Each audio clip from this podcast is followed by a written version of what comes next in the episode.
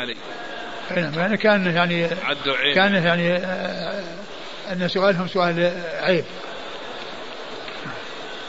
يقول الأخ هل في الحديث دلالة على مناصحة أهل البدع ومناظرتهم؟ لا شك.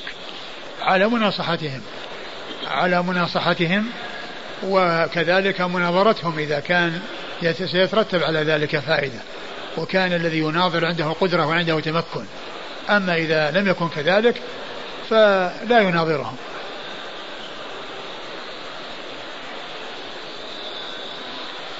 قال رحمه الله تعالى باب ما جاء في الخز.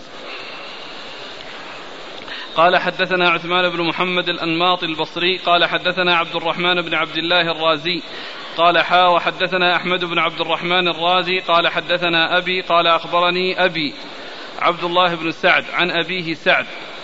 أنه قال رأيت رجلا ببخارى على بغلة بيضاء عليه عمامة خز سوداء فقال كسانيها رسول الله صلى الله عليه وعلى آله وسلم هذا لفظ عثمان والإخبار في حديثه. ثم ورد أبو داود آه، باب في الخز. والخز فسر بأنه آه، نوع من الحرير أو أنه مخلوط بحرير. وفسر بأنه ليس من الحرير ولكنه شيء يعني آه، ناعم يعني فيه نعومة يعني فيه صفات الحرير التي هي النعومة وليس بحرير. وقد جاء عن بعض الصحابة أنهم لبسوه فيحمل على ما كان من هذا القبيل الذي هو غير الحرير. وقد أورد أبو داود حديث حديث رجل نعم سعد. نعم. سعد الدشك الدشتكي يقول رأيت رجلا ببخارى نعم حديث رجل رآه سعد الدشتكي ببخارى وعليه عمامة آه، آه، عمامة خز سوداء, سوداء. وقال كسانيها رسول الله صلى الله عليه وسلم. كسانيها رسول الله صلى الله عليه وسلم. والحديث يعني ضعيف لأن في إسناده من هو متكلم فيه.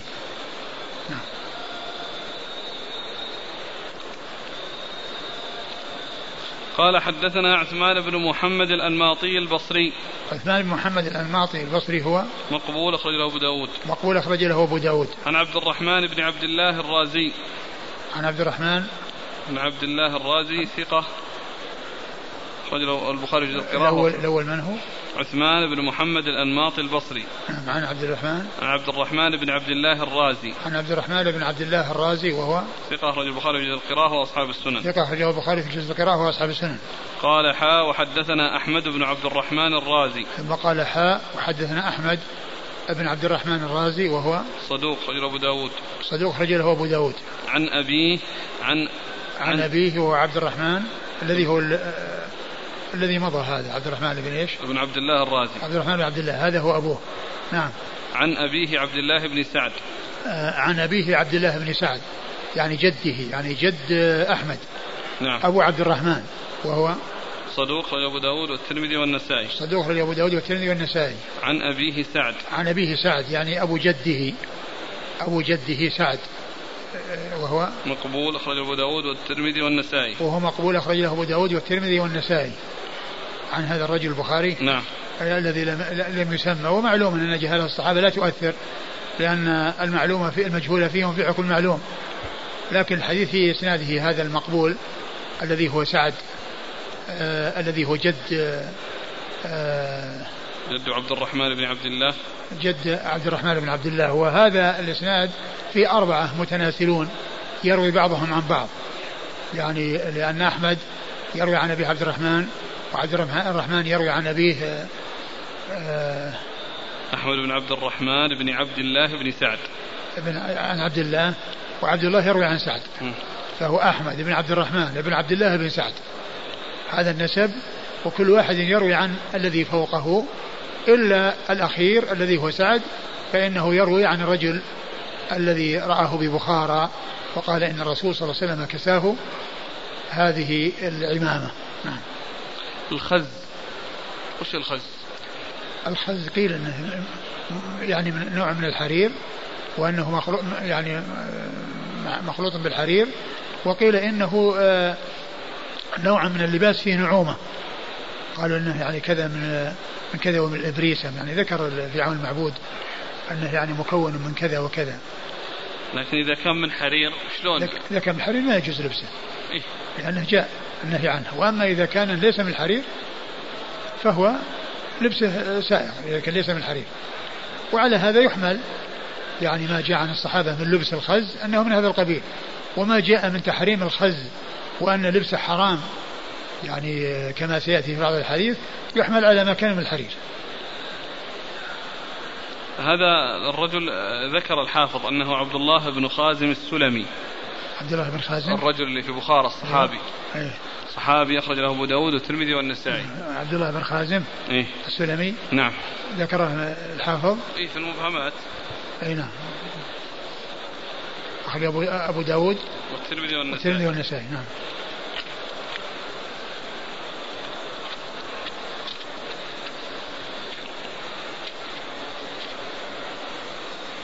يقول سعد بن عثمان الدشتكي عن رجل من الصحابة رآه ببخارى قيل هو عبد الله بن خازم قيل يعني في احتمال. لكن سواء عرف أو لم يعرف ما دام أنه صحابي لا يؤثر قال طيب هنا قال هذا لفظ عثمان والإخبار في حديثه إيش الإسناد؟ قال حدثنا عثمان بن محمد الأنماطي البصري قال حدثنا عبد الرحمن بن عبد الله الرازي قال حاء وحدثنا أحمد بن عبد الرحمن الرازي عن أبيه. نعم لأن الثاني يروي عن بالعان عنه الذي هو الحفيد. وأما عثمان اللي هو الشيخ الأول هو الذي قال حدثنا. المقصود بحدثنا الإخبار معنى حدثنا لأنه يعني ليس بالعنعنة ويعبر عن حدثنا بالإخبار. يعني معناها الاتصال. يعني هو الإخبار المقصود به الإخبار. والإخبار في حديثه يعني في يعني هو الذي جاء عنه آه، التعبير بالتحديث الذي هو الإخبار. وأما أحمد اللي هو آه، الذي هو الحفيد فقد جاء بالعنعنة. لا جاء حدثنا مرة ثانية. وين؟ عند أحمد بن عبد الرحمن الرازي. أنا ظننتك تبغى بس السند فسقت لك بالاختصار. وشو؟ أحمد بن عبد الرحمن الرازي قال حدثنا أبي قال أخبرنا أبي عبد الله بن سعد. والأول كذلك قال يعني إذا لعل الأخبار فوق. ما هو ما دام أنهم متفقين في هذا إيه؟ كلهم متفقين في التحديث يعني إذا الأخبار هو في طريق الأولى الذي بين بين عبد الرحمن وأبيه. قال أخبرني أبي. الفوق عثمان بن محمود الأنماط محمد عثمان بن محمد الأنماط البصري. قال حدثنا عبد الرحمن بن عبد الله الرازي. نعم. قال حاء وحدثنا أحمد بن عبد الرحمن الرازي. قال حدثنا أبي. قال أخبرني أبي. هذا كلمة أخبرني. يعني معناها أن كانها هي هي من طريق عثمان ما جت من طريق أحمد. أي نعم. ما دام أن أن كل منهما حدثني حدثنا يعني معناه الأخبار صار الذي بين عبد الرحمن وأبيه. هو بالإسناد الأول وليس بالإسناد الثاني. قال حدثنا عبد الوهاب بن نجدة قال حدثنا بشر بن بكر عن عبد الرحمن بن يزيد بن جابر قال حدثنا عطية بن قيس قال سمعت عبد الرحمن بن غنم الأشعري قال حدثني أبو عامر أو أبو مالك رضي الله عنه. والله يمين أخرى ما كذبني. أنه سمع رسول الله صلى الله عليه وعلى آله وسلم يقول ليكونن من أمتي أقوام يستحلون الخز والحرير وذكر كلاما قال يمسخ منهم آخرون قردة وخنازير إلى يوم القيامة قال أبو داود وعشرون نفسا من أصحاب رسول الله صلى الله عليه وآله وسلم أو أكثر لبسوا الخز. منهم أنس والبراء بن عازب رضي الله عنهم ثم أورد أبو داود حديث حديث أبو, أبو مالك وأبو عامر الأشعري رضي الله تعالى عنه أن النبي صلى الله عليه وسلم قال ليكونن من أمتي قوم يلبسون الخز وفي بعض يستحلون. يستحلون يستحلون الخز والحرير. نعم. يستحلون يستحلون الخز والحرير. آه، في بعض الأحاديث في بعض الطرق يعني الحرى المقصود به الفروج. يعني فيكون يعني معناه أنه تأسيس. وأما هنا الخز والحرير يكون معناهما واحد. لأن الخز يعني من الحرير فيكون من عطف العام على الخاص. ولكن في بعض الطرق وهي عند البخاري الحرى والحرير يعني المقصود به الفروج. فيكون المقصود به الزنا والحرير يكون على بابه. يعني هذا شيء محرم مستقل وهذا شيء محرم مستقل وأنهم يستحلون هذا ويستحلون هذا. وأما على ما عند أبي داود فالخزة فيكون على هذا نوع من الحرير ويكون عطف الحرير عليه من عطف الخاص على العام. و وما جاء في آخره من ذكر الصحابة آه، كما قلت يعني يكون محمولا على آه، ما تقدم من أن المقصود به نوع من اللباس يعني ناعم يعني يشبه الحرير في نعومته آه هذا هو الذي يحمل عليه. لا أن المقصود ذلك أنهم يستحلون هذا المحرم الذي جاء فيه هذا الوعيد الشديد. نعم. ليكونن من أمتي أقوام يستحلون الخز والحرير وذكر كلاما قال يمسخ منهم آخرون قردة وخنازير إلى يوم القيامة. يمسخ منهم آخرون قردة وخنازير إلى يوم القيامة. يمسخ منهم آخرون قردة وخنازير يعني من هؤلاء الذين حصل منهم الاستحلال وهذا دليل على أن المسخ يكون في هذه الأمة وأنه ليس خاصا في الأمم السابقة وأنه قد يمسخ أحد من هذه الأمة قردة وخنازير لكن آه قد عرفنا فيما مضى أن الذين يمسخون لا يتناسلون. الذين يمسخون لا يتناسلون. لأنه قد ورد في الحديث في صحيح مسلم يعني أن الله لم يجعل يعني للذين مسخوا نسلا أورده مسلم في في كتاب القدر وأن وقد سبق أن مر أن الرسول صلى الله عليه وسلم كان يقول في بعض الأحاديث لا أدري يعني في بعض الحيوانات الفأر وكذا أنهم يعني لعلهم كانوا من مسخ ولكنه بعد ذلك بين له وأوحي إليه بأن الذين يمسخون لا يتناسلون. الذين يمسخون لا يتناسلون وأنه ليس لهم نسل وإنما الذي يمسخ يموت. يموت دون أن يكون له نسل. نعم. قال حدثنا عبد الوهاب بن نجدة. عبد الوهاب بن نجدة هو ثقة أخرجه أبو داود النسائي. ثقة أخرجه أبو داود النسائي. عن بشر بن بكر. بشر بن بكر هو ثقة أخرج البخاري وأبو داود والنسائي وابن ماجه. ثقة أخرج البخاري وأبو داود والنسائي وابن ماجه. عن عبد الرحمن بن يزيد بن جابر. عن عبد الرحمن بن يزيد بن جابر وهو ثقة أخرج له. أصحاب الكتب. أصحاب الكتب الستة. عن عطية بن قيس. عن عطية بن قيس وهو ثقة أخرج له. البخاري تعليقا ومسلم وأصحاب السنن البخاري تعليقا ومسلم وأصحاب السنن عن عبد الرحمن بن غنم الأشعري. عن عبد الرحمن بن غنم الأشعري وهو مختلف في صحبته أخرج البخاري تعليقا وأصحاب السنن مختلف في صحبته. وقيل هو من ثقات التابعين أخرج له البخاري تعليقا وأصحاب السنن البخاري تعليقا وأصحاب السنن عن أبي عامر أو أبي مالك. عن أبي عامر أو أبي مالك. أبو مالك الأشعري هو؟ آه، صحابي أخرج البخاري تعليقا ومسلم وداود صحابي أخرج البخاري تعليقا ومسلم وأصحاب السنن لا البخاري تعليقا ومسلم وأبو داود والنسائي بن ماجه. البخاري ومسلم وأبو داود. البخاري تعليقا. البخاري تعليقا وابو ومسلم وأبو داود. والنسائي بن ماجه. والنسائي وابن ماجه. وهناك أبو عامر الأشعري. أبو عامر الأشعري آه، في صحابي اسمه أبو عامر الأشعري وفي احتمال أن يكون يعني حسب ما ذكرها في تحفة الأشراف. لكن لكن ما رمز له بانه رواه أبو داود. إيه. نعم. ويحتمل أن يكون يعني إن كان ثبتت الرواية معناه أنها يكون ذلك الصحابي هذا أو هذا وعلى كل الاختلاف في الصحابي لا يؤثر سواء كان هذا أو هذا النتيجة واحدة. الصحابة كلهم عدول. يقول والله يمين أخرى ما كذبني. والله يمين أخرى يعني كأن قوله يمين أخرى يعني معناه أنها أنني أكرر أو أن هذا شيء أو أكرر اليمين أو إشارة إلى تكرير تكرار اليمين. قال أبو داود وعشرون نفسا من أصحاب رسول الله صلى الله عليه وسلم وأكثر لبسوا الخز منهم أنس والبراء. نعم. يعني هذا كما أشرنا يحمل على ما إذا كان آه، أن المقصود به الذي يشبه الحرير في نعومته. أو يكون المقصود به أنهم لبسوا الشيء الذي قد وردت به السنة وهو مقدار أربعة أصابع الذي سيأتي في باب الحرير. يعني كونهم استعملوا هذا الشيء الذي رخص فيه يقول الأخ ألا يحتمل يعني إما هذا وإما هذا.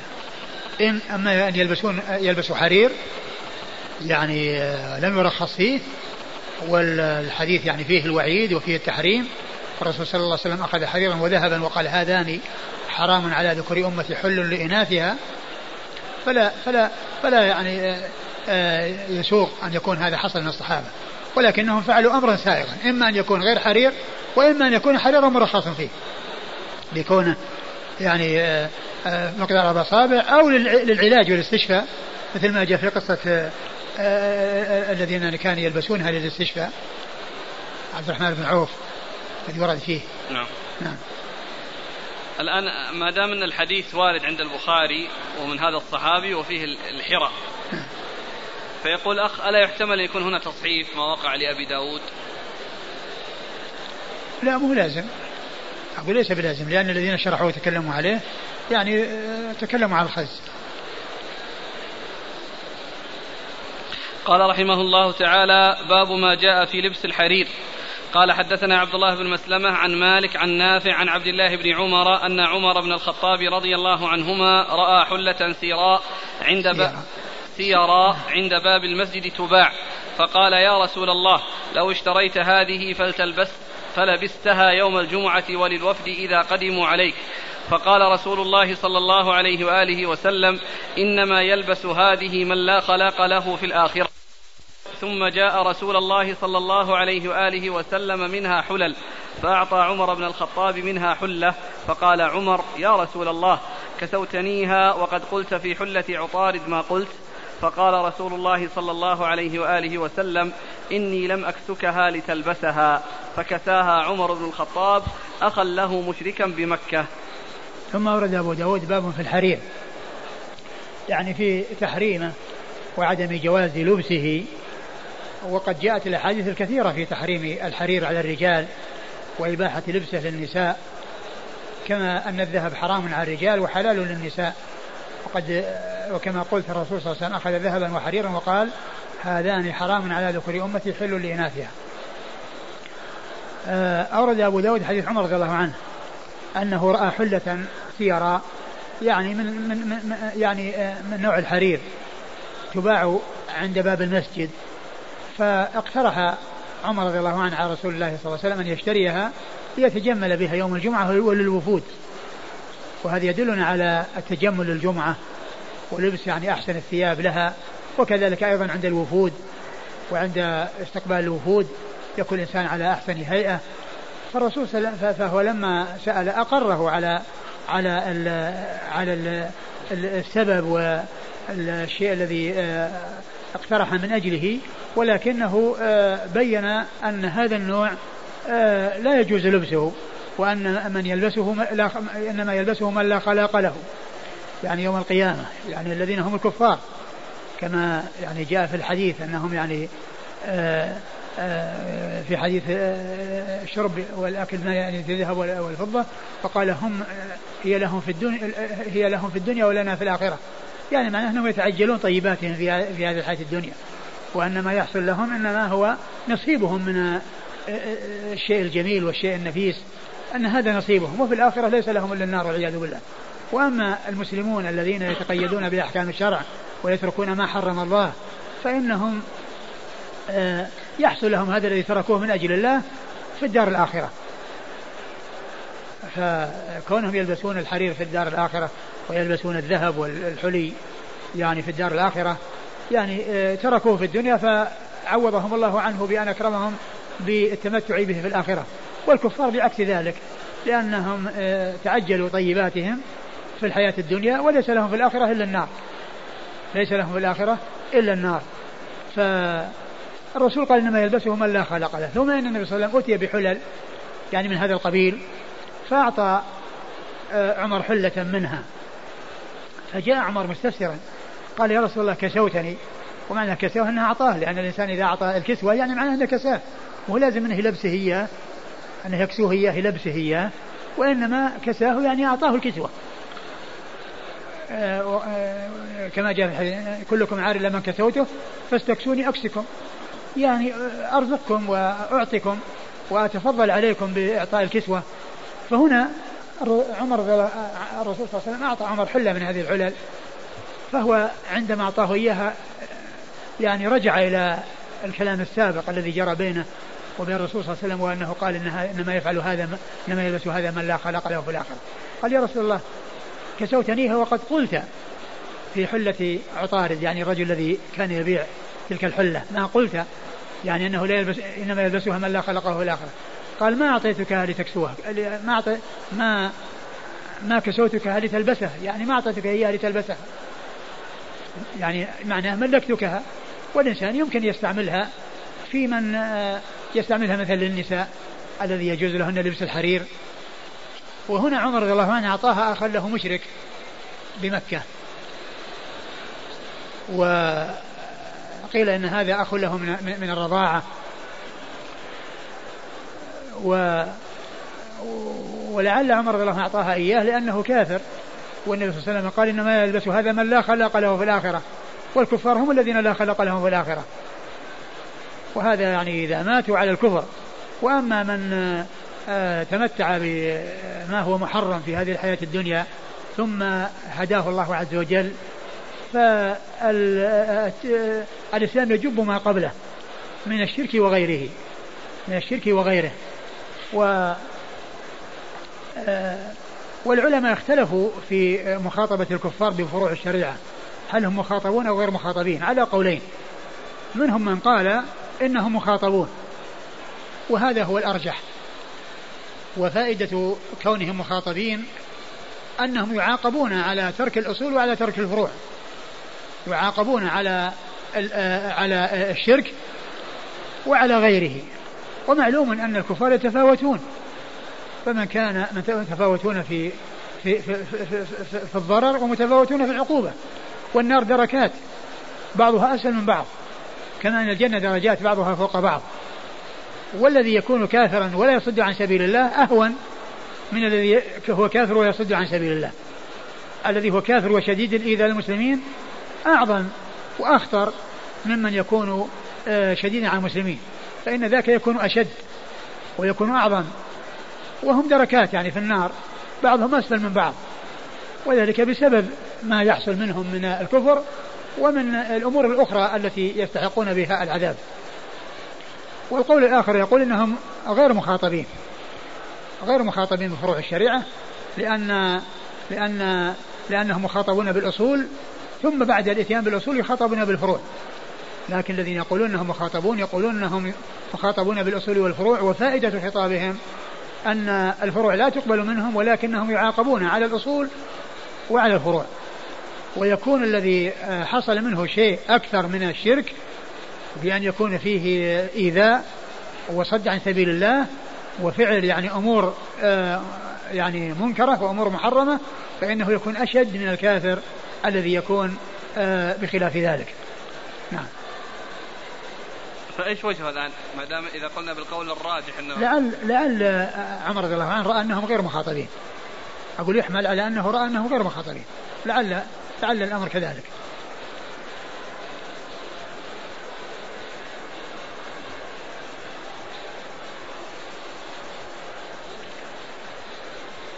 أن عمر بن الخطاب رضي الله عنه رأى حلة سيرا عند باب المسجد تباع عند باب المسجد نعم. تباع نعم, نعم يعني ما يبيعها عند المسجد لا تباع عند المسجد لأن أحد الإخوان يسأل يقول هل في هذا دليل على جواز البيع أمام أبواب المساجد؟ جائز جائز هذا الحديث يدل عليه. فقال يا رسول الله لو اشتريت هذه فلبستها يوم الجمعة وللوفد إذا قدموا عليك. فقال رسول الله صلى الله عليه وآله وسلم إنما يلبس هذه من لا خلاق له في الآخرة. خلاق؟ يعني نصيب وحظ. الخلاق هو الحظ والنصيب. ثم جاء رسول ثم جاء رسول الله صلى الله عليه وآله وسلم منها حلل فأعطى يعني منها يعني من نوعها. يعني منها يعني من هذا النوع. نعم. فأعطى عمر بن الخطاب منها حلة فقال عمر يا رسول الله كسوتنيها وقد قلت في حلة عطارد ما قلت. يعني الرسول أعطاها وعبر عن ذلك بكسوتني. يعني معناها أن الذي أعطى كسوة يعني معناه كسى. الذي أعطى الكسوة كسى. وليس المقصود يعني بالكسوة كونه يكسوه يعني أنه يلبسه. نعم. حلة عطارد. عطارد رجل. رجل هو صاحب صاحب الحلة.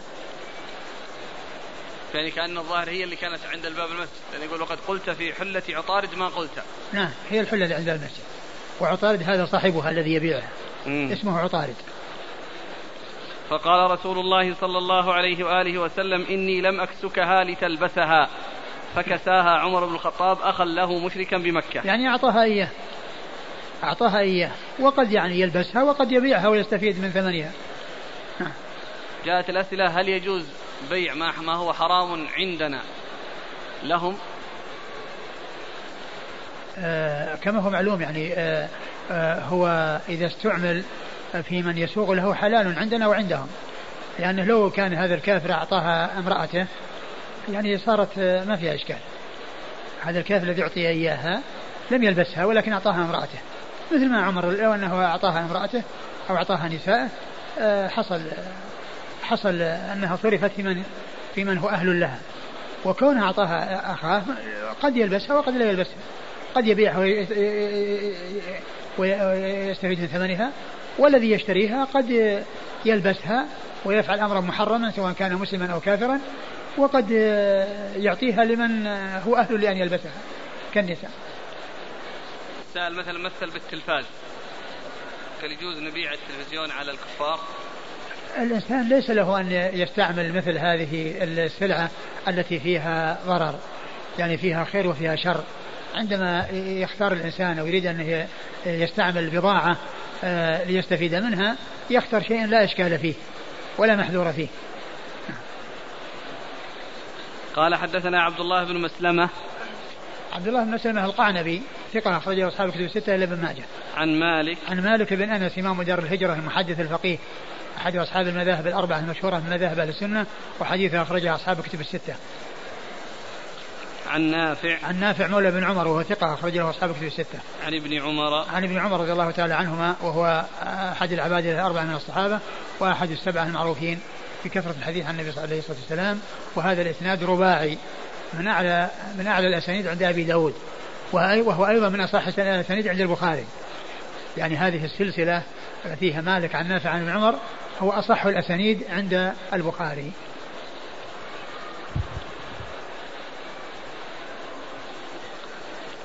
يعني الآن من مسند ابن عمر ما هو من مسند عمر؟ آه إيش لفظة؟ لأنه قال عن عبد الله بن عمر أن عمر بن نعم، الخطاب نعم رأى حلة. نعم ليس مسند عمر. ليس مسند عمر مسند عبد الله بن عمر.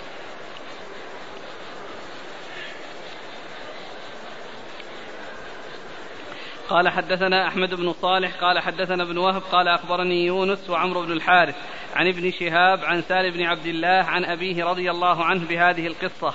قال حلة استبرق. وقال فيه ثم أرسل إليه بجبة ديباج. وقال تبيعها وتصيب بها حاجتك. إيش؟ قال بهذا الإسناد؟ بهذه القصة. نعم. قال حلة استبرق. وقال فيه ثم أرسل إليه بجبة ديباج. آه قال حلة استبرق يعني في آه في هذه القصة التي هي قصة آه الذي يباع عند باب المسجد. وأرسل إليه بحلة ديباج يعني إلى عمر. أرسل إليه حلة ديباج. والديباج هو نوع من الحرير. الديباج هو نوع من الحرير. نعم. وقال تبيعها وتصيب بها حاجتك. قال تبيعها وتصيب بها حاجتك.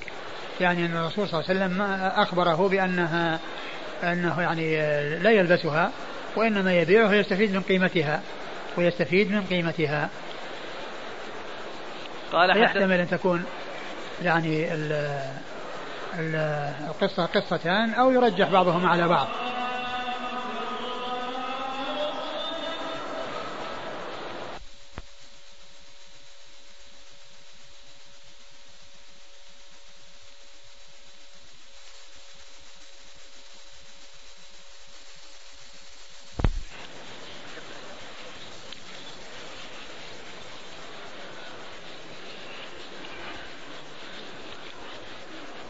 وعلى يعني أنها قصة واحدة كما ذكر المصنف فإنه يحمل على أن الرسول صلى الله عليه وسلم لما قال له عمر أنك كسوتنيها أن يكون الرسول قال له آه، ما أعطيتك لتلبسها وإنما أعطيتك لتبيعها وتستفيد من ثمنها. ويكون على هذا رأى أنه ما يبيعها ولكنه يهديها إلى ذلك القريب المشرك له في مكة. نعم.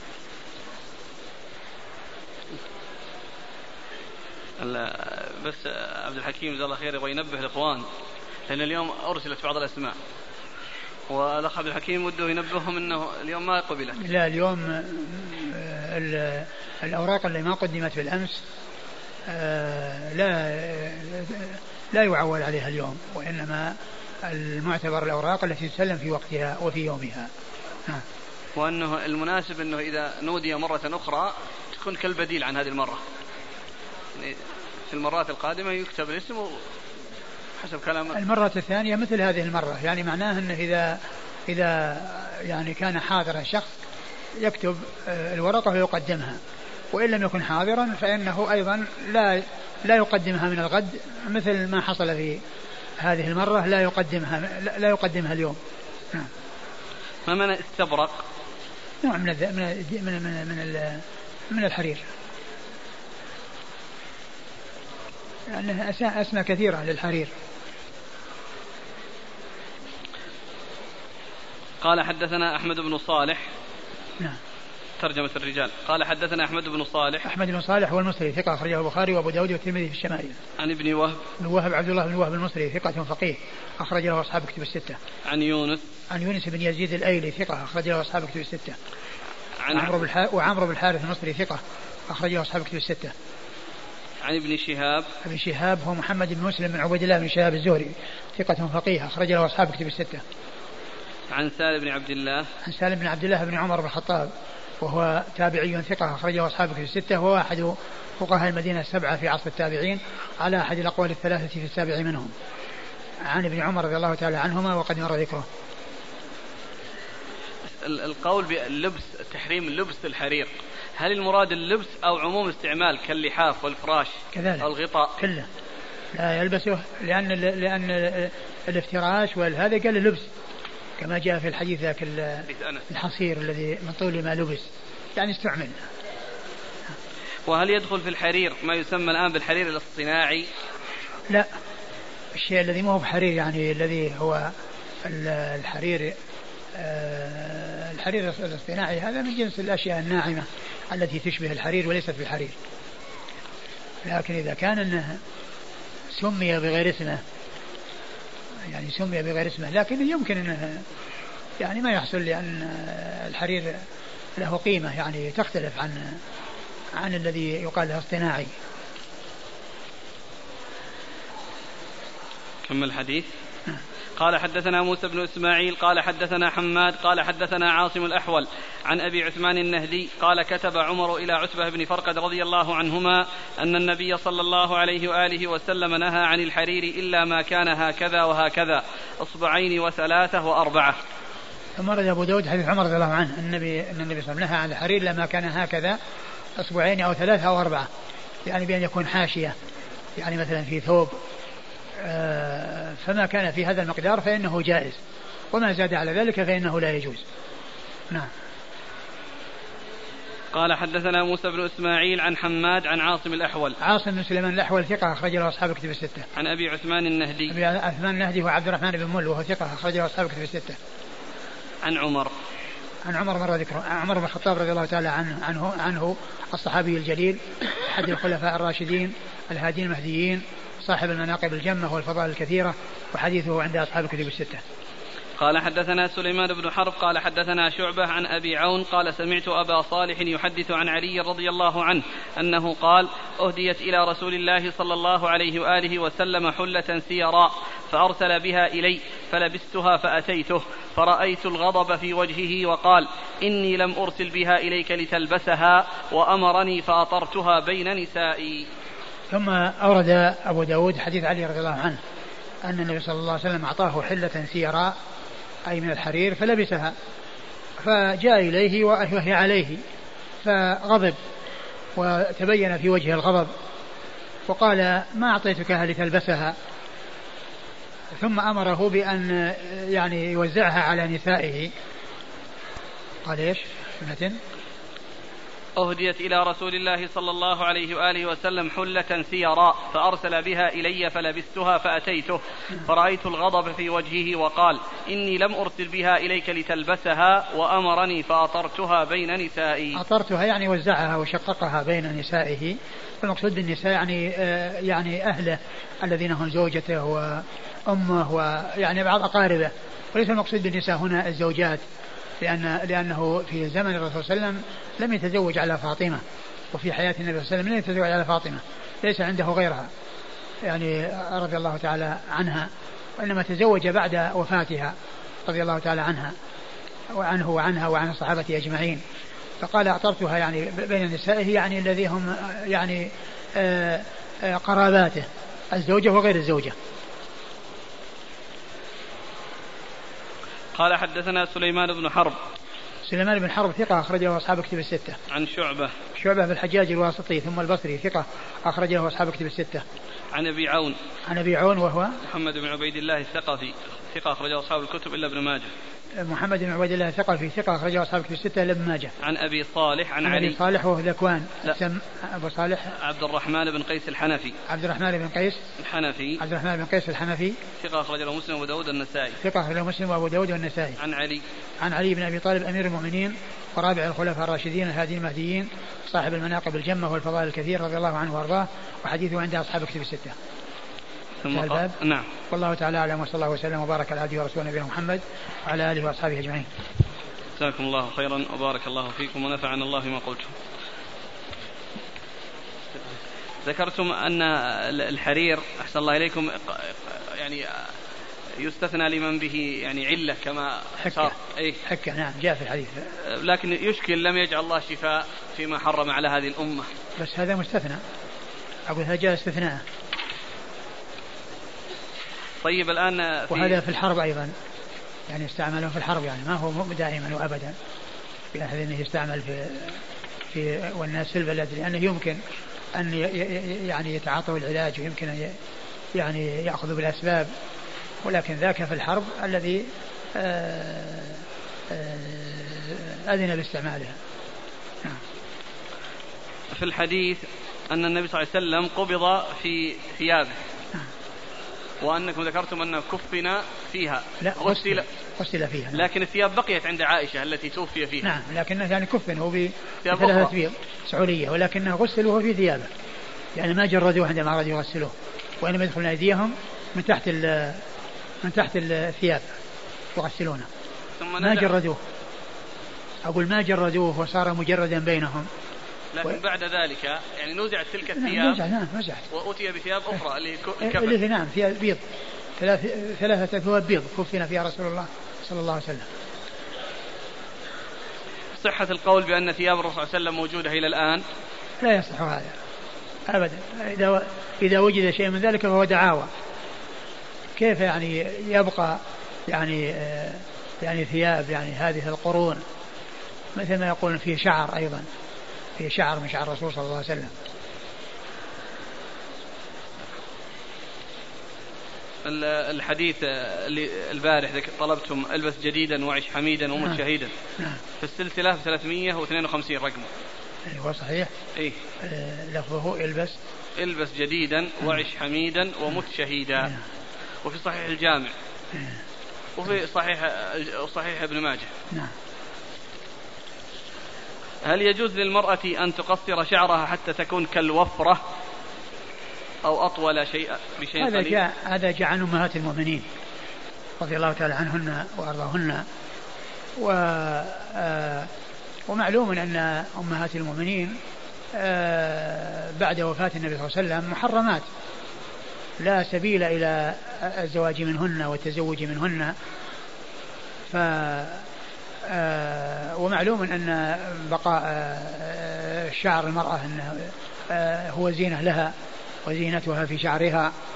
وإذا كان الشعر كثيفا يشق عليها صيانته فإن فإن لبس أن تخفف منه. وأما ما يفعل من بعض من التقليد لبعض الكافرات التي عرفنا بهذا وهو من التشبه بالكافرات. وبعض أهل العلم قال أن ذاك خاص بأمهات المؤمنين لأنهن لا سبيل لهن إلى التجمل لأزواج لأنهن لا يتزوجن بعد رسول الله صلى الله عليه وسلم وهن زوجاته في الدنيا والآخرة رضي الله عنهن وأرضاهن إذا كان الرجل والحديث في صحيح مسلم الذي هو كون أزواج الرسول يعني قصصنا حتى كان كالوفرة. إذا كان الرجل ميسور الحال واشترى ثوبا نفيسا ألا يكون هذا من قبيل حديث إن الله يحب أن يرى أثر نعمته على عبده؟ إذا كان أنه ميسور الحال وشان نفيس يعني ينبغي أنه يعني آه، يشتري آه، ما يناسبه ويستفيد من القيمة الزائدة في آه، في في أموره الأخرى. وأما كونه يصير ميسور الحال ثم يحصل شيء يشتري بشيء نفيس ويروح يستدين أو يذهب يسأل أو ما إلى ذلك ليس له ذلك.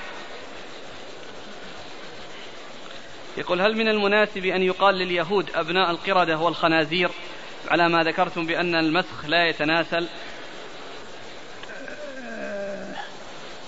معلوم أن الحديث جاء بأن الذين مسخوا ليس لهم نسل ولكن يعني هم أبناء جنس الذين مسخوا. يعني جنس الذين مسخوا لا أنهم أبناء الذين مسخوا. يعني فإذا جاء عن بعض السلف وبعض من يعبر بهذه العبارة فيحمل على أن يكون يعني آه، آه، آه، أعمامهم أو من يكون يعني في درجة آبائهم أنه مسح وأما كونهم هم جاءوا فهذا يخالف الحديث. الحديث الذي جاء أن أن الله لم يجعل لأمة مسخة نسلا. لم يجعل لأمة مسخة نسلا. هذا يخالف. لا يجوز أن يعتقد هذا الشيء. لكن كونهم من يعني من من الجنس أو من الذين حصل فيهم المسخ وأن مثلا أعمامه أعمامهم يعني لهم أخوان آبائهم الذين كانوا يعني من جهة موافقين لآبائهم في في, في, في, في, في الآباء بأن يكونوا أعمام أو أعمام آباء أو ما إلى ذلك يصير. أما أن يقال أن أنهم هذا نسل الناس مسخوا هذا يخالف الحديث الصحيح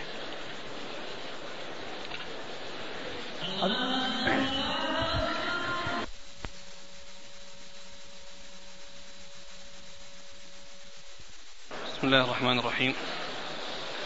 الحمد لله رب العالمين والصلاة والسلام على عبد الله ورسوله نبينا محمد وعلى آله وصحبه أجمعين. أما بعد قال الإمام أبو داود السجستاني رحمه الله تعالى باب من كرهه. قال حدثنا القعنبي عن مالك عن نافع عن إبراهيم بن عبد الله بن حنين عن أبيه عن علي بن أبي طالب رضي الله عنه أن رسول الله صلى الله عليه وعلى آله وسلم نهى عن لبس القسي وعن لبس المعصفر وعن تختم الذهب وعن القراءة في الركوع. اللي بعده؟ ترك قال حدثنا أحمد بن محمد يعني المروزي قال حدثنا عبد الرزاق قال أخبرنا معمر عن الزهري عن إبراهيم بن عبد الله بن حنين عن أبيه عن علي بن أبي طالب رضي الله عنه عن النبي صلى الله عليه وعلى آله وسلم بهذا قال عن القراءة في الركوع والسجود. قال حدثنا موسى بن إسماعيل قال حدثنا حماد عن محمد بن عمرو عن إبراهيم بن عبد الله بهذا زاد ولا أقول نهاكم. بسم الله الرحمن الرحيم. الحمد لله رب العالمين وصلى الله وسلم وبارك على عبده ورسوله نبينا محمد وعلى آله وأصحابه أجمعين. أما بعد يقول الإمام أبو داود السجستاني رحمه الله تعالى باب من كره ذلك يعني لبس الحرير. والمقصود بالكراهة كراهة التحريم. وقد أورد أبو داود جملة من الأحاديث أولها حديث علي رضي الله تعالى عنه أن النبي عليه الصلاة والسلام نهى عن عن, عن لبس القسي. لبس القسي وهو نوع من الحرير. نعم. وعن لبس المعصفر. وعن لبس المعصفر وهو المصبوغ بالعصفر. المصبوغ بالعصفر وهو نبات يقال له العصفر يعني لونه أصفر. هذا هو المقصود به و نهى عن المعصفر أي المصبوغ بالعصفر الذي هو نبت معروف ولونه أصفر. أو عن تختم الذهب. وعن تختم الذهب يعني الرجال كونهم يتختمون بالذهب وإن فإن ذلك حرام عليهم لا يجوز.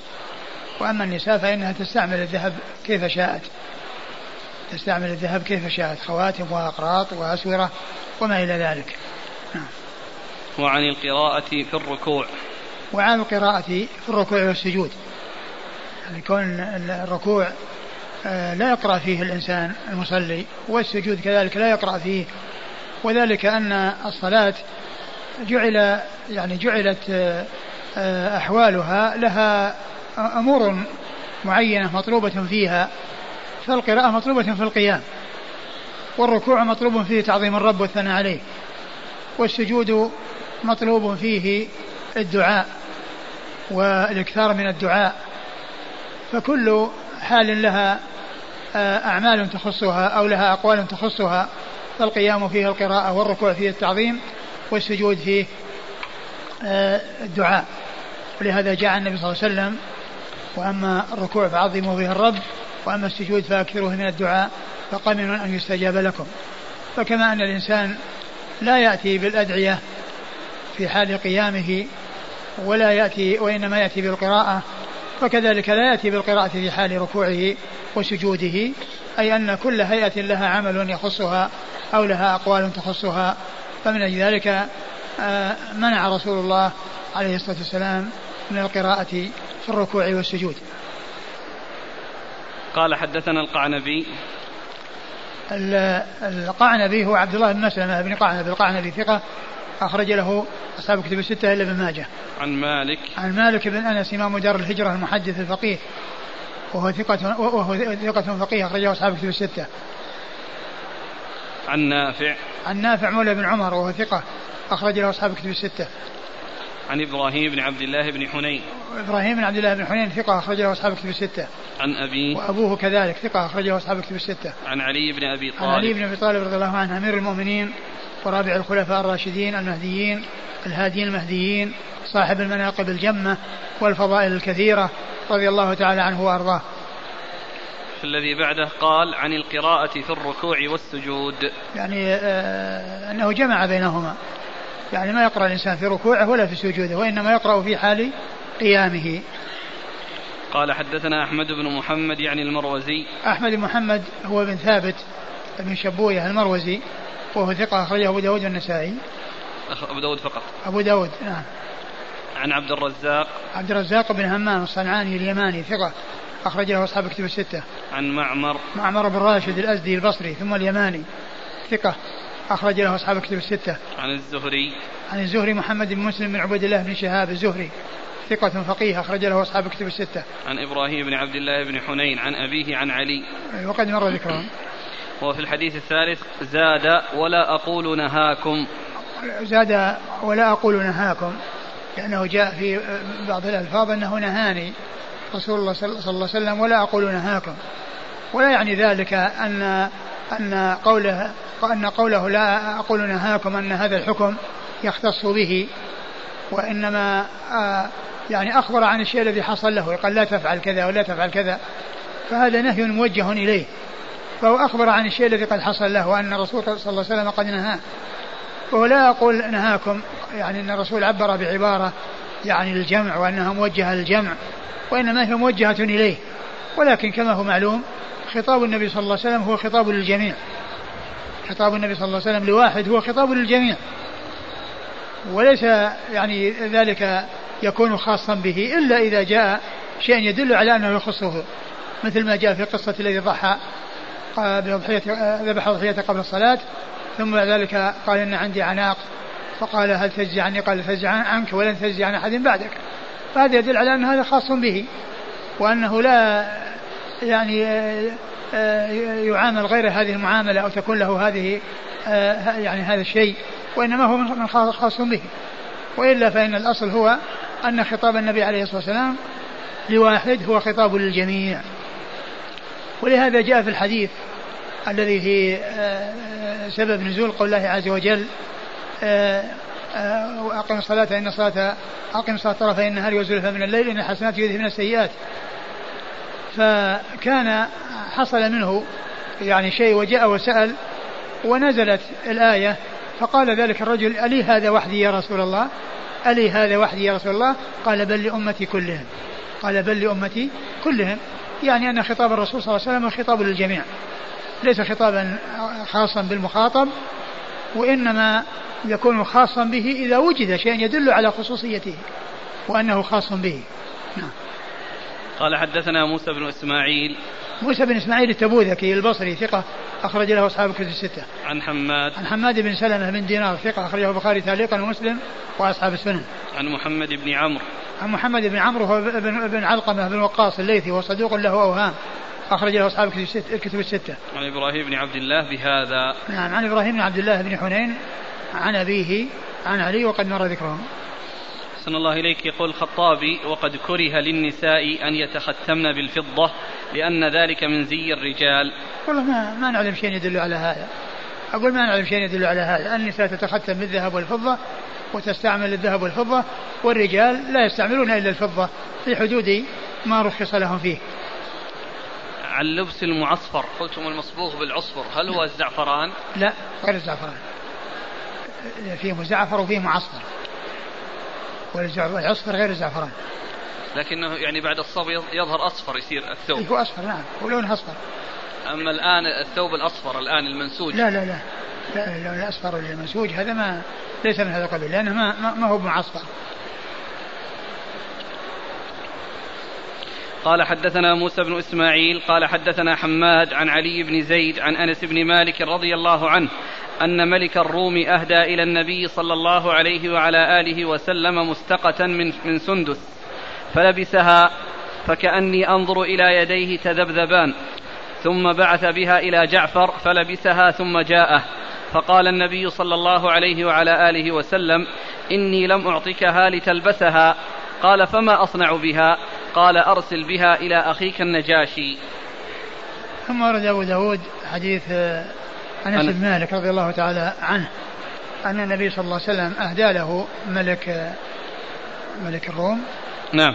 أن ملك الروم أهدى إلى النبي مستقة مستقة يعني وهو يعني لباس يعني آه آه إيش كان؟ مستقة مستقة من سندس. من سندس يعني من الذهب يعني آه يعني سندس يعني من الذهب. حرير. من الحرير من الحرير نعم.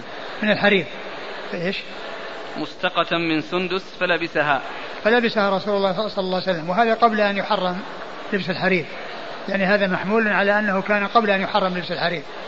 وبعد ذلك حرم فأعطاها جعفر ولبسها فقال إني ما أعطيتك لتلبسها. وإنما لترسلها إلى إلى ملك الحبشة وليستفيد منها. وليس ذلك أيضا ليلبسها لأن المحرم لا يجوز لبسه المحل الذي حرم لبسه لا يجوز لبسه وإنما يجوز التصرف فيه وبيعه واستعماله ممن يمكن استعماله كالنساء النساء يستعمل الحرير والرجال لا يستعمل الحرير. وإذا أعطي الرجل فهو يستفيد منه بأن يعطيه لنسائه أو يبيعه ويتصرف بقيمته أو يهديه لأحد من أجل أن يستفيد من قيمته أو آه، يعطيه لنسائه. وعلى هذا فالذي جاء في الحديث إنما هو محمول على ما كان قبل تحريم قبل تحريم لبس الحرير. وقد جاءت أحاديث تدل على أن الرسول صلى الله عليه وسلم يعني لبس يعني الحرير ولكنه تركه بعد ذلك وبعد أن حرم تركه. وقد جاء في الصحيحين وفي غيرهما أحاديث يعني في هذا المعنى. والحديث في إسناده علي بن زيد بن جدعان وهو ضعيف. ولكن آه، آه، المعنى الذي جاء به يعني من ناحية أن أن الرسول لا قد لبس وأنه قد أعطى لغيره وإعطاؤه لغيره أنه لم يعطيه من أجل أن يلبس ولكن من أجل أن يستفيد. آه هذا جاء في أحاديث. والإسناد فيه هذا الرجل الذي هو ضعيف وهو علي بن زيد بن جدعان. أعد المتن عن أنس بن مالك رضي الله عنه أن ملك الروم أهدى إلى النبي صلى الله عليه وآله وسلم مستقة من سندس.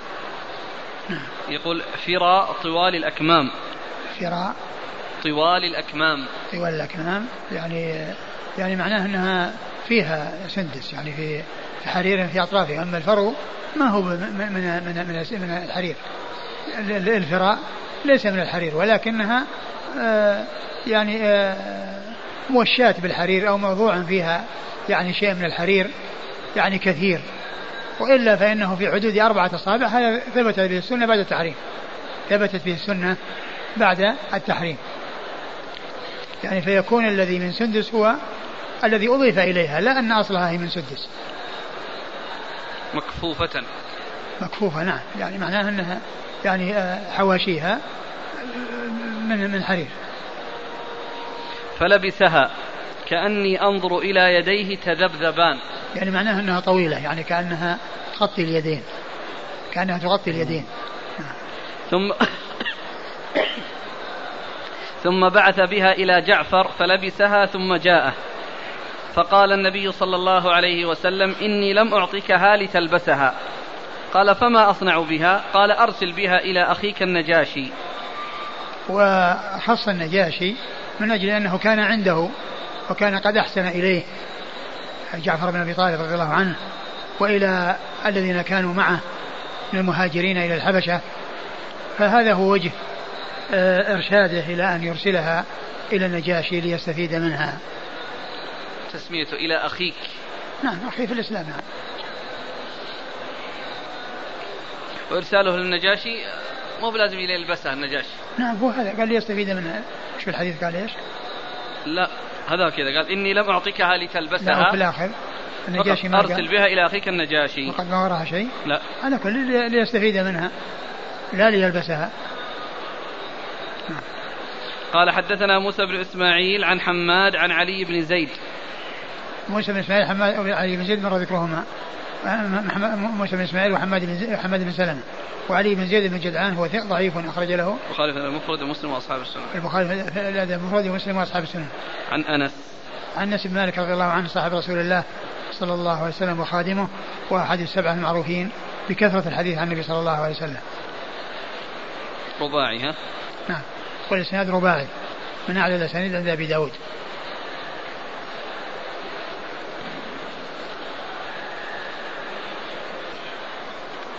هذا يقول ما صحة قول بعض الناس الهدية لا تهدى من أين هذا؟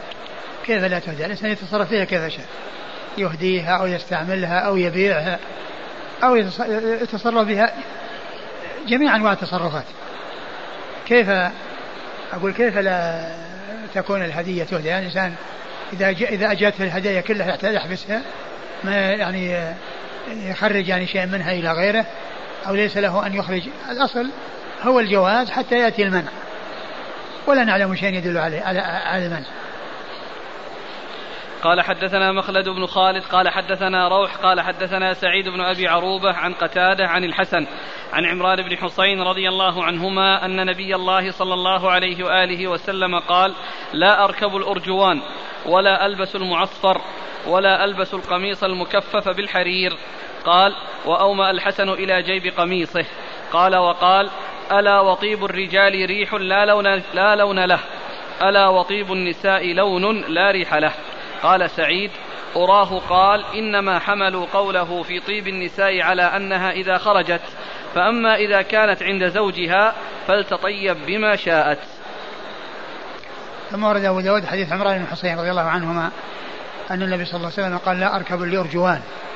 والمقصود بقوله لا أركب الأرجوان يعني آه، المقصود بالأرجوان هي مياثر كانت آه، تتخذ يعني من الحرير أو يعني مخلوطة بالحرير وتوضع على آه، يعني سرج الفرس أو آه، يعني آه، الرحل رحل البعير.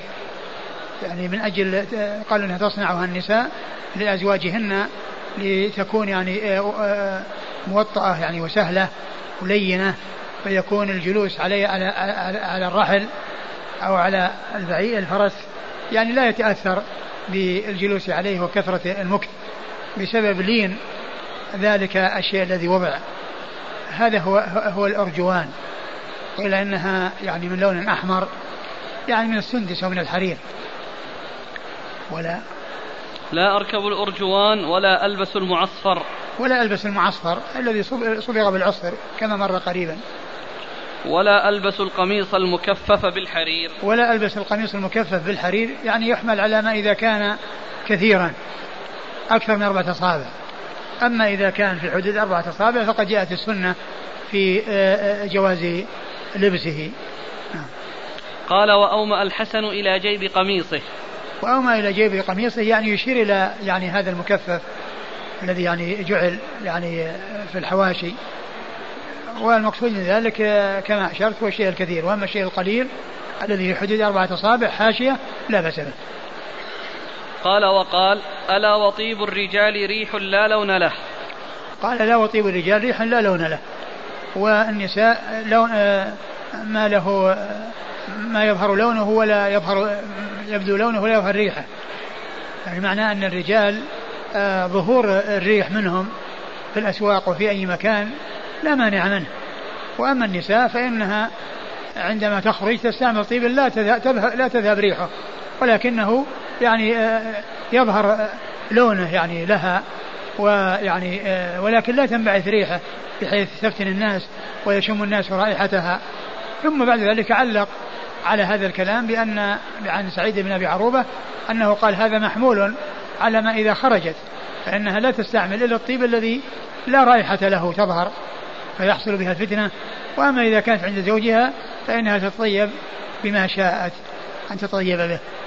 نعم.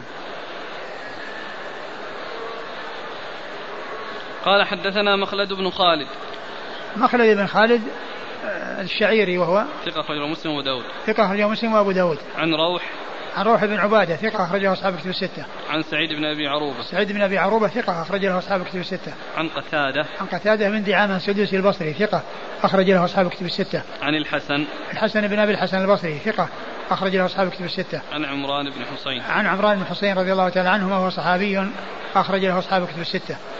والحديث في إسناده الحسن وهو يروي عن عمران بن عن عمران وهو لم يسمع منه. و ولكن الذي فيه جاء في أحاديث أخرى. أو الذي جاء في الحديث قد جاء في أحاديث أخرى غير هذا الحديث. نعم.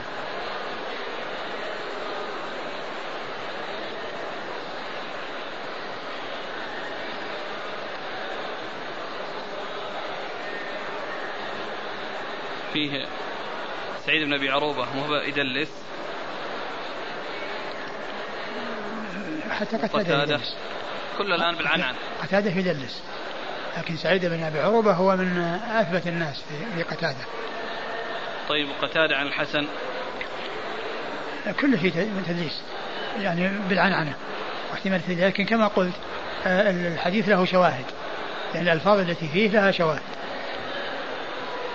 قال حدثنا يزيد بن خالد بن عبد الله بن موهب الهمداني قال أخبرنا المفضل يعني بن فضالة عن عياش بن عباس القتباني عن أبي الحصين يعني الهيثم بن شفي. أبي الحسين ولا الحصين مضبوطة. بقى.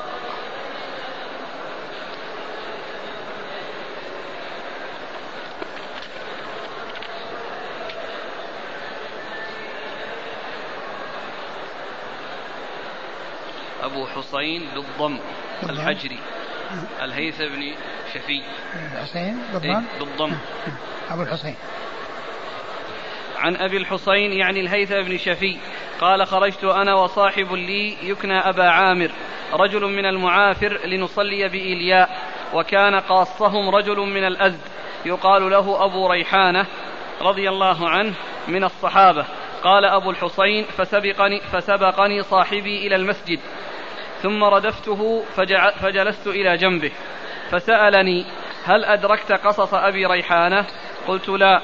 قال سمعته يقول نهى رسول الله صلى الله عليه وآله وسلم عن عشر عن الوشر والوشم والنتف وعن مكامعة الرجل الرجل بغير شعار وعن مكامعة المرأة المرأة بغير شعار وأن يجعل الرجل في أسفل ثيابه حريرا مثل الأعاجم أو يجعل على منكبيه حريرا مثل الأعاجم. وعن النهبى وركوب النمور ولبوس الخاتم إلا لذي سلطان. قال أبو داود الذي تفرد به من هذا الحديث ذكر الخاتم.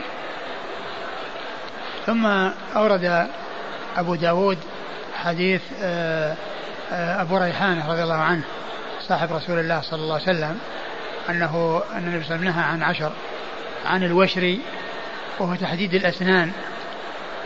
يعني بحيث يعني آه، تكون المرأة الكبيرة تحدد أسنانها بحيث يعني تشبه أنها تشبه بالشابة. هذا يسمونه الوشر. وكذلك مثل التفليج أنك التفليج يكون يعني بين الأسنان. وأما الوشر فهو لأطراف الأسنان. و عن الوشر والوشم. والوشم هو أن يغرز الجسد بإبرة ثم يوضع مكان الإبرة هذا آه، كحل أو شيء يعني آه، آه، يعني يشبهه فيحشى به ذلك المكان الذي غرز فيصير اللون هو بذلك لون ذلك الذي حشي به ويستمر. لأنه يعني اللحم يعني ينبت عليه ويلتحم عليه ويصير بهذه الهيئة التي حصل فيها الوشم وتكون مستمرة. نعم. والنتف. والنتف يعني نتف نتف الشيب أو نتف الحاجب. نعم. وعن مكامعة الرجل الرجل بغير شعار. مكامعة الرجل الرجل بغير شعار يعني مضاجعته. وأن يكون هو وإياه متلاصقان. وعن مكامعة المرأة المرأة بغير وكذلك شعار وكذلك المرأة نعم. وأن يجعل الرجل في أسفل ثيابه حريرا مثل الأعاجم. وأن يجعل الرجل في أسفل ثيابه حريرا مثل الأعاجم يعني بأن يكون كثيرا. نعم. وأن أو يجعل أو يجعل على منكبيه حريرا مثل الأعاجم. أو على منكبيه حريرا مثل الأعاجم نعم. وعن النهبة وعن النهبة وهي الانتهاب. يعني وال قيل إنها الإغارة يعني على يعني أناس والأخذ منهم. نعم. وركوب النمور. وركوب النمور يعني جلود النمور. يعني جلودها. نعم. ولبوس الخاتم إلا لذي سلطان. ولبوس الخاتم إلا لذي سلطان. يعني كونه يعني مقصورا على على السلطان لبس لبس الخاتم. ولهذا قال أبو داود الذي تفرد به هنا ذكر الخاتم وإلا غيره جاء فيها حديث. يعني غيره جاء فيها حديث. وأما كون الخاتم لا يلبسه إلا ذو سلطان هذا مما تفرد به. والحديث في إسناده آه، آه، أبو عامر هذا الذي هو من المعافر وهو مقبول. قال حدثنا يزيد بن خالد بن عبد الله بن موهب الهمداني. وهو ثقة أخرج له. أبو داود النسائي بن ماجه. أبو داود النسائي بن ماجه. عن المفضل يعني بن فضالة. وهو ثقة أخرج له أصحاب كتب الستة. عن عياش بن عباس القتباني. عن عياش بن عباس القتباني وهو ثقة أخرج البخاري في جزء القراءة ومسلم وأصحاب السنن. ثقة أخرجه البخاري في جزء القراءة ومسلم وأصحاب السنن. عن أبي الحسين الهيثم بن شفي. عن أبي الحسين الهيثم بن, شو بن شفي وهو ثقة. أخرجه أبو داود والنسائي بن ماجه. أخرجه أبو داود والنسائي بن ماجه. عن صاحبه أبي عامر. عن صاحبه أبي عامر وهو مقبول أخرج له أبو داود والنسائي. أبو داود والنسائي. عن أبي ريحانة. عن أبي ريحانة صاحب رسول الله صلى الله عليه وسلم اسمه شمعون وهو صحابي أخرج له أبو داود والنسائي بن ماجه. والنسائي بن ماجه. يقول آه، الهيثم بن شفي خرجت أنا وصاحب لي يكنى أبا عامر رجل, رجل من المعافر لنصلي بإيلياء. إيليا بيت المقدس. مدينة بيت المقدس يقال لها إيليا.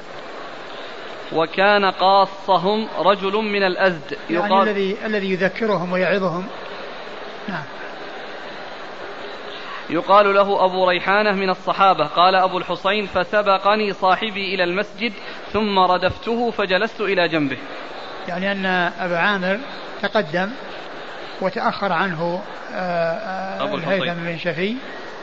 وبعد ذلك جاء إليه بعد أن انتهى القصص وانتهى التذكير والوعظ الذي يلقيه أبو ريحانة عليهم في المسجد. فقال له صاحبه الذي هو أبو عامر هل أدركت؟ فقال لا فقال إن قال إن النبي صلى الله عليه وسلم قال كذا وكذا. يعود الضمير لمن؟ يقول الذي تفرد به من هذا الحديث. من المتفرد؟ قال أبو داود. الذي تفرد به من هذا الحديث ذكر الخاتم. آه، ما أدري يعني عن الشخص الذي تفرد لكنه يعني آه، طبعا هو واحد من من, من رجال الإسناد. بس أنتم كما تعلمون إذا كان المتفرد ثقة مقبول أما إذا كان المتفرد هذا المق... هذا الرجل لا بس هو آه الذي يعني آه ذكر التفرد أو المضاف إليه التفرد يعني لا يدرى من هو فإن كان يراد به هذا فهو مقبول وإن كان يراد به من قبله وهو الذي يعني تفرد بالرواية عنه أو عن من فوقه فيصير الإسناد فيه من هو ضعيف. حتى لو حصل التفرد من من قبل يعني تفرد فلان عن فلان في هذه الرواية وبعد ذلك في أعلى الإسناد من هو مقبول آه، النتيجة أن الإسناد آه، فيه ضعف سواء كان المتفرد هو أو غيره.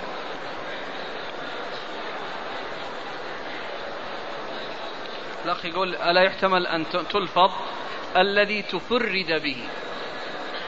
تفرد به من هذا الحديث ذكر الخاتم. إيه بس من الذي تفرد به؟ يعني يرجع إلى إلى يعني أحد الرواة. هنا ذكرتم الوشر. فيسأل يقول ما حكم تقويم الأسنان ما في بس تقويم الذي فيها داخل وخارج ويكون يعني مضرة يعني بذلك بحيث أن أن الأسنان يعني يميل بعضها عن بعض. كونها تقوم وتعدل بحيث يعني تكون مستقيمة هذا لا بأس هذا علاج. ما معنى بغير شعار؟ يعني بغير يعني أقول بغير لباس. والشعار في الغالب هو الذي يلي الجسد كما قال الرسول صلى الله عليه وسلم الأنصار شعار والناس دثار. يقول هل تحريم النمص خاص بالوجه للمرأة أم هو عام لجميع جسدها؟ النتف. والله الذي يبدو أنه ما, ما في شيء يدل على منعه في جميع جسده ما نعلم شيء يدل عليه. يفهم من الحديث أن الخاتم فقط لذي سلطان. ألا يجوز ويعتبر سنة ليس, ليس, ليس بصحيح أنه يعني لا يكون لذي سلطان. لأن الصحابة رضي الله عنهم وأرضاهم تختموا. وفيهم من ليس صاحب ولاية. لا ولاية خاصة ولا ولاية عامة. الصحابة رضي الله عنهم تختموا. وقد جاء عن أنس. قد جاء عن في قضية لبس الذهب وأنه يعني الرسول ألقى الخاتم وألقى الناس خواتيمهم. فكانت عليهم خواتيم. يقول في بلدنا يصنعون أحذية من جلود النمور ومن جلود الأفاعي. فهل يجوز لبسها؟ والله الذي يبدو أن استعمال يعني جلود جلود السباع يعني لا يجوز.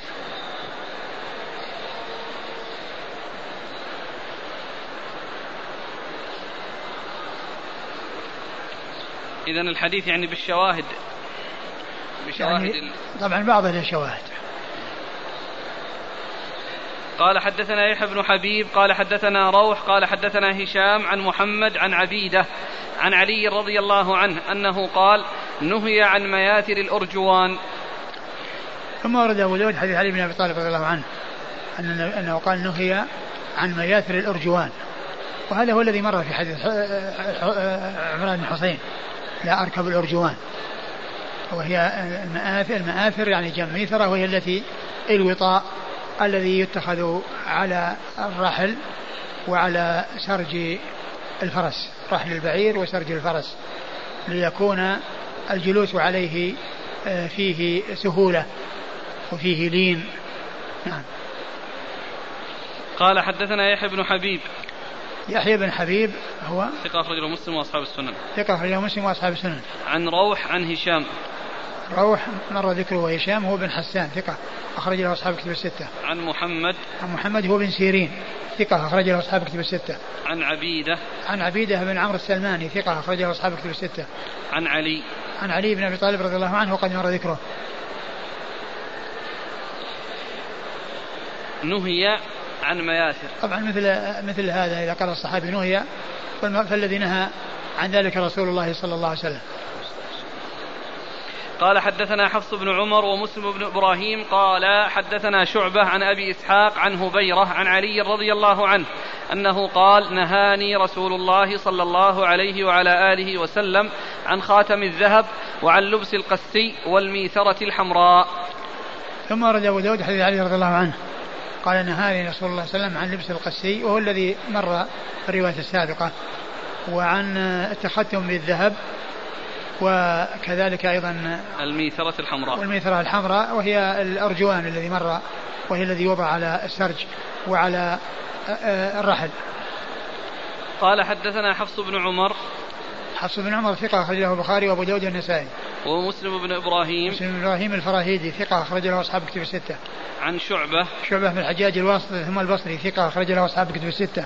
عن أبي إسحاق. عن أبي إسحاق الهمداني وهو عمرو بن عبد الله الهمداني السبيعي ثقة أخرج له أصحاب كتب الستة. عن هبيرة. عن هبيرة وهو لا بأس به أخرج أصحاب السنن. هبيرة بن يريم الهمداني. هبيرة بن يريم الهمداني لا بأس به وهو بمعنى صدوق أخرج له أصحاب السنن. أصحاب السنن. عن علي. عن علي رضي الله عنه وقد مر ذكره. قال حدثنا موسى بن إسماعيل قال حدثنا إبراهيم بن سعد قال حدثنا ابن شهاب الزهري عن عروة بن الزبير عن عائشة رضي الله عنها أن رسول الله صلى الله عليه وعلى آله وسلم صلى في خميصة لها أعلام فنظر إلى أعلامها فلما سلم قال اذهبوا بخميصتي هذه إلى أبي جهم فإنها ألهتني انفا في صلاتي وأتوني بأنبجانيته. قال أبو داود أبو جهم بن حذيفة من بني عدي بن كعب بن غانم. ثم رد أبو داود حديث أبي هريرة. حديث عائشة. حديث عائشة رضي الله عنها أن النبي صلى الله عليه وسلم صلى في خميصة لها أعلام والخميصة هي يعني لباس أسود إيش قال فيه في كساء معلم الطرفين من خز أو صوف. كساء معلم الطرفين من خز أو صوف. يعني معلم يعني له أعلام خطوط يعني أو حواشي. يعني آه، وهذا هو لعل المقصود بكونه يأتى به في الحرير لأنه يعني يكون من من من خز اللي هو نوع من الحرير أو يكون من غير الحرير لأن كما عرفنا فيما مضى يكون من الحرير ويكون من غير الحرير يقال له خز. و أو صوف. و نعم. صلى في خبيصة لها أعلام فنظر إلى أعلامها. فنظر إلى أعلامه يعني الخطوط التي فيها. نعم. فقال ف يعني اذهبوا بها إلى أبي جهم وأتوني بأنبيجانية أبي جهم فإنها لهتني آلفا آلفا عن صلاتي يعني تلك الأنبجانية تلك الخميصة. قال وأتوني بأنبجانية أبي جهم. والأنبجانية أيضا كساء. و وإنما أرسلها إلى أبي جهم لأنه هو الذي كان أهداها إليه. كان قد أهداها إليه. وطلب منه أن يعطيه بدلها الأنبجانية وطلبه الأنبجانية لئلا يتأثر برد هديته وأن هدية ردت إليه. فهو رد عليه تلك التي ألهته عن صلاته وطلب أن يعطيه بدلها الانبجانية التي ليس فيها تلك الأعلام التي في الخميصة. فإذا هذا هو وجه آه إرسالها إلى أبي جهم وأيضا كونه يؤتى بأنبجانية أبي جهم. آه، إرسالها إليه لأنها مهداة منه وطلب الانبجانية حتى لا يتأثر برد هديته إليه. نعم.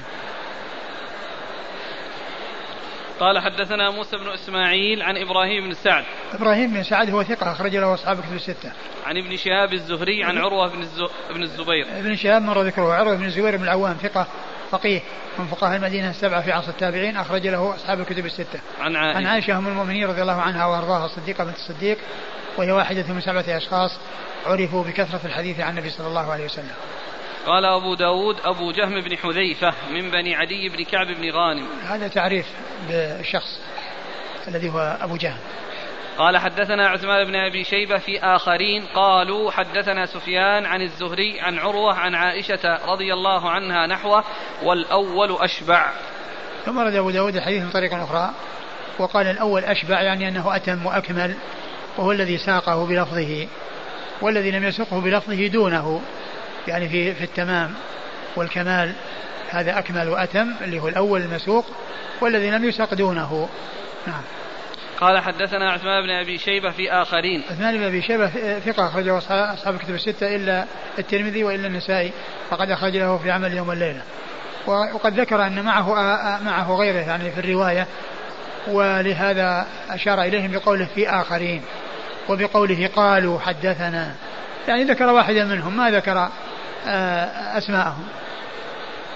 عن سفيان عن الزهري. عن سفيان هو بن عيينة المكي ثقة أخرج له أصحاب كتب الستة. وإذا جاء سفيان يروي عن عن الزهري وهو بن عيينة. عن الزهري عن عروة عن عائشة نحوه والأول أشبع. نعم. يقول السائل ما حكم الصلاة بالأقمصة المخططة؟ تصح تصح الصلاة. وهل يستفاد من هذا الحديث؟ استحباب عدم لبس الملون. نعم الذي يلهي والذي يشغل يعني في بالنظر إليه. نعم. هل يجوز رد الهدية مطلقا دون سبب أو عذر؟ والله إذا كانت الهدية أن هناك يعني وجه لردها فإنه لا بأس بردها. مثل أن يكون يعني الذي أهدى يعني آه، لا يطمئن إلى ماله أو أن ماله يعني فيه يعني مال حرام و أو يكون الرد يترتب عليه مصلحة من ناحية التأديب والتأثر. إذا كان أنه يعني ينكر عليه شيء وردها من أجل أن أن أنه نصحه ولم يستفد وأن هذا فيه فائدة فالرد يمكن.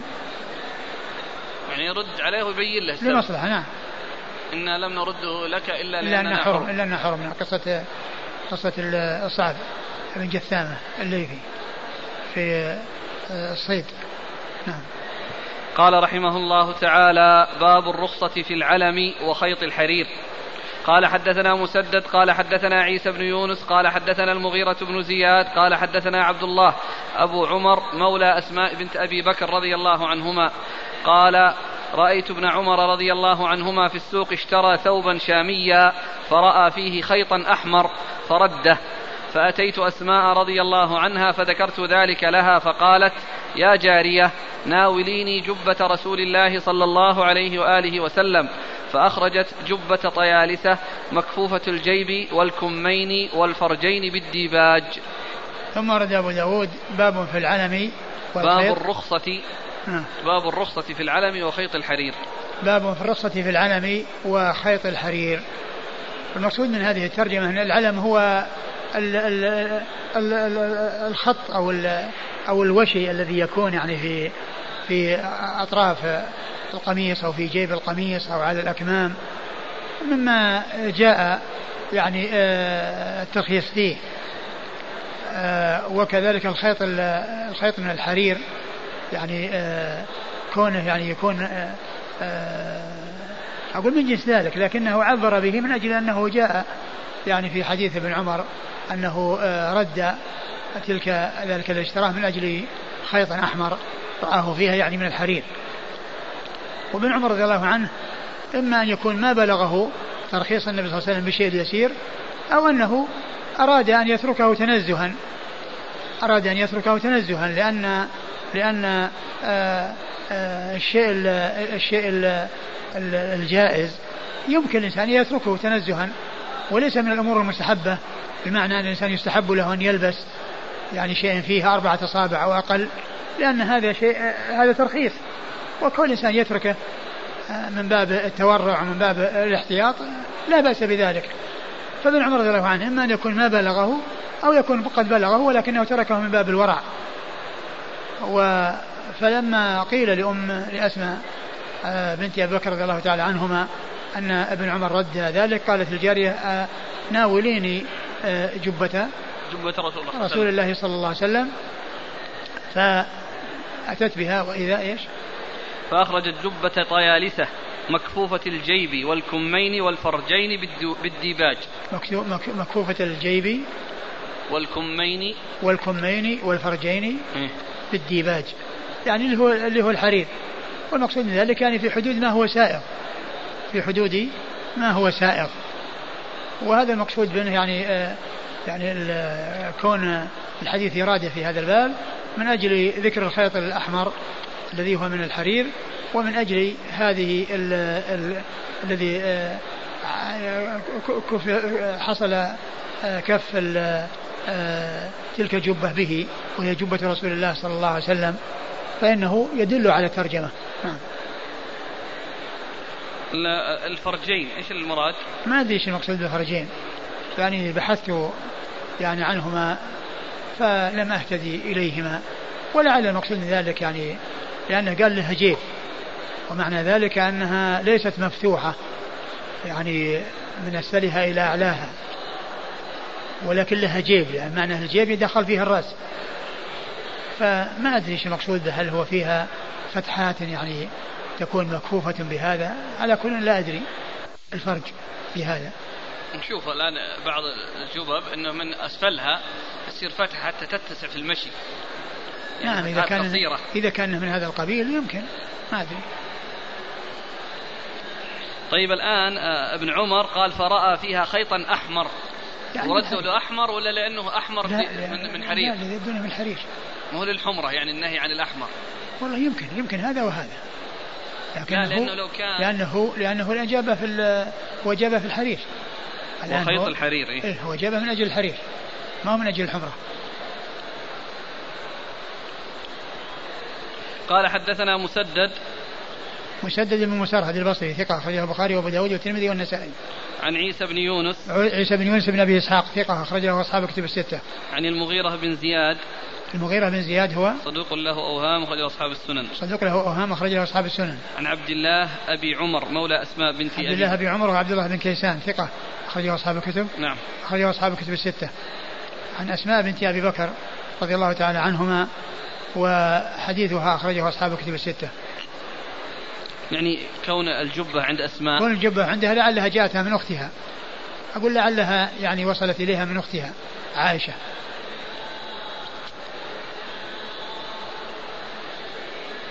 أو أنها من أبيها. يقول أخ ما هي الجبة؟ الجبة هو, هو يعني لباس. أقول لباس غليظ. يعني في الغالب أنه يكون غليظ. ويعني يكون لها جيب كما جاء في, في, في, في هذا الحديث. وهي تكون فوق اللباس.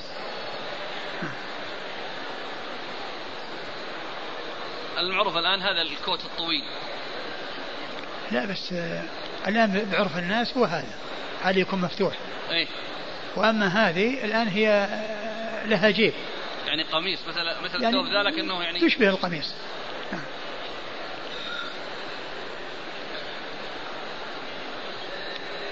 يتكرر نقل صاحب العون عن الإمام النووي رحمه الله أن في الحديث دلالة على جواز التبرك بآثار الصالحين وثيابهم. هذا من أخطاء هذا من أخطاء النووي رحمه الله تعالى. والمعروف أن الصحابة رضي الله عنهم وأرضاهم ما كانوا يتبركون بعد رسول الله صلى الله عليه وسلم بأحد. وخير الناس بعد رسول الله صلى الله عليه وسلم أبو بكر وعمر وعثمان وعلي رضي الله عنهم. ما كان الصحابة يذهبون ويتبركون بهم كما كانوا يتبركون بالرسول صلى الله عليه وسلم. فدل هذا على أن التبرك من خصائصه.